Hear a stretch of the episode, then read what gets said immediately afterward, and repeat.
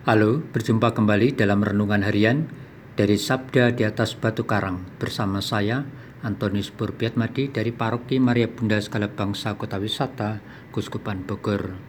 Saudara-saudari yang terkasih, hari ini Rabu tanggal 8 September adalah hari biasa pekan ke-23. Hari ini gereja merayakan pesta kelahiran Santa Perawan Maria. Bacaan kitab suci hari ini, bacaan pertama diambil dari nubuatan Mika pasal 5 ayat 2 sampai 5a dan bacaan Injil dari Injil Matius pasal 1 ayat 1 sampai 16 dilanjutkan ayat 18 sampai dengan 23 yang demikian bunyinya. Inilah silsilah Yesus Kristus anak Daud, anak Abraham.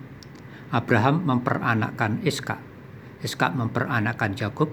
Yakub memperanakkan Yehuda dan saudara-saudaranya. Yehuda memperanakkan Peres dan Serah dan Tamar. Peres memperanakkan Hesron. Hesron memperanakkan Ram. Ram memperanakkan Nadab. Ami Nadab memperanakkan Nasa, Nahason. Nahason memperanakkan Salmon. Salmon memperanakkan Boas dari Rahab. Boas memperanakkan Obed dari Rut. Obed memperanakkan Isai. Isai memperanakkan Raja Daud, Daud memperanakkan Salomo dari istri Uria.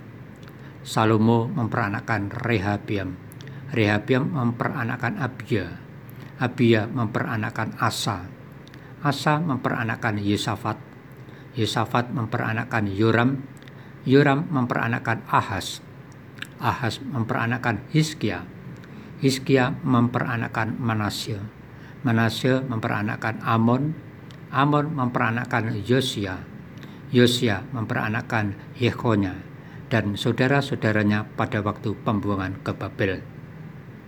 Sesudah pembuangan ke Babel, Yehonya memperanakkan Syaltil, Syaltil memperanakkan Serubabel, Serubabel memperanakkan Abihud, Abihud memperanakkan Eliakim, Eliakim memperanakkan Asor, Asor memperanakkan Sadok, Sadok memperanakkan Ahim, Hakim memperanakan Eliud, Eliud memperanakan Eleazar, Eleazar memperanakan Matan.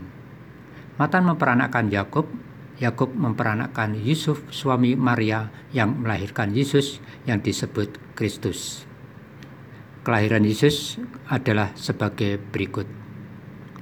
Pada waktu Maria, ibu Yesus bertunangan dengan Yusuf, ternyata Maria mengandung dari Roh Kudus sebelum mereka hidup sebagai suami istri. Karena Yusuf suaminya seorang yang tulus hati dan tidak mau mencemarkan nama baik istrinya di muka umum, ia bermaksud menceraikannya dengan diam-diam. Tetapi ketika Yusuf mempertimbangkan maksud itu, malaikat Tuhan nampak kepadanya dalam mimpi dan berkata, Yusuf, anak Daud, janganlah engkau takut mengambil Maria sebagai istrimu, sebab anak yang di dalam kandungannya adalah dari Roh Kudus. Maria akan melahirkan anak laki-laki, dan engkau akan menamai dia Yesus, karena dialah yang akan menyelamatkan umatnya dari dosa mereka. Hal itu terjadi supaya genaplah firman Tuhan yang dinyatakan oleh Nabi. Sesungguhnya anak darah itu akan mengandung dan melahirkan seorang anak laki-laki, dan mereka akan menamai dia Immanuel, yang berarti Allah menyertai kita. Demikianlah Injil Tuhan. Terpujilah Kristus. Saudara-saudari yang terkasih, hari ini kita diajak untuk menanggapi rencana Allah. Bacaan Injil pada hari ini memang cukup panjang untuk kita bacakan atau kita dengarkan. Intinya adalah tentang silsilah Yesus dan pergumulan Yusuf yang mengetahui bahwa Maria tunangannya telah mengandung Semula Yusuf merencanakan untuk menceraikan Maria secara diam-diam.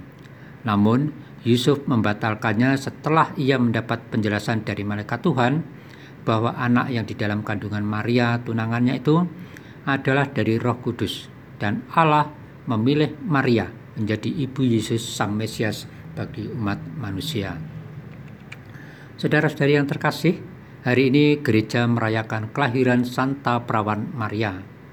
Perayaan ini menunjukkan sikap kasih dan hormat kita sebagai anggota gereja kepada Bunda Maria. karena dengan tulus Maria menerima tawaran Allah dalam perannya yang agung dan mulia di dalam karya keselamatan Allah. Sebagaimana Allah menjumpai Maria dan Yusuf untuk karya keselamatan dunia, di dalam banyak hal Allah juga menjumpai kita, memanggil kita untuk mengajak kita ikut ambil bagian dalam karya keselamatannya. Allah memiliki rencana-rencana dan membutuhkan kerjasama dengan kita untuk mewujudkan rencana-rencana Allah tersebut. Misalnya saja, menjadi pengurus di lingkungan, prodiakon, anggota kur, pengurus RT RW dan sebagainya. Namun, sering kali kita menolaknya dengan berbagai alasan. Saudara-saudari yang terkasih, jika Bunda Maria dan Bapak Yusuf bersedia menerima tawaran kerjasama dari Allah, itu menunjukkan sikap ketaatan mereka kepada kedaulatan Allah dengan mengesampingkan kepentingannya dirinya sendiri. Nah, bagaimana sekarang ini jika Allah memanggil kita untuk diajak bekerja sama dalam mewujudkan rencana Allah?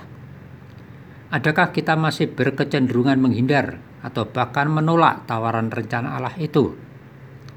Jika kita bimbang atau ragu-ragu menerima atau menjalankan kehendak Tuhan itu, marilah kita mohon Roh Kudus untuk menerangi hati dan pikiran kita serta menguatkan kehendak kita agar kita mampu menanggapi rencana dan kehendak Allah.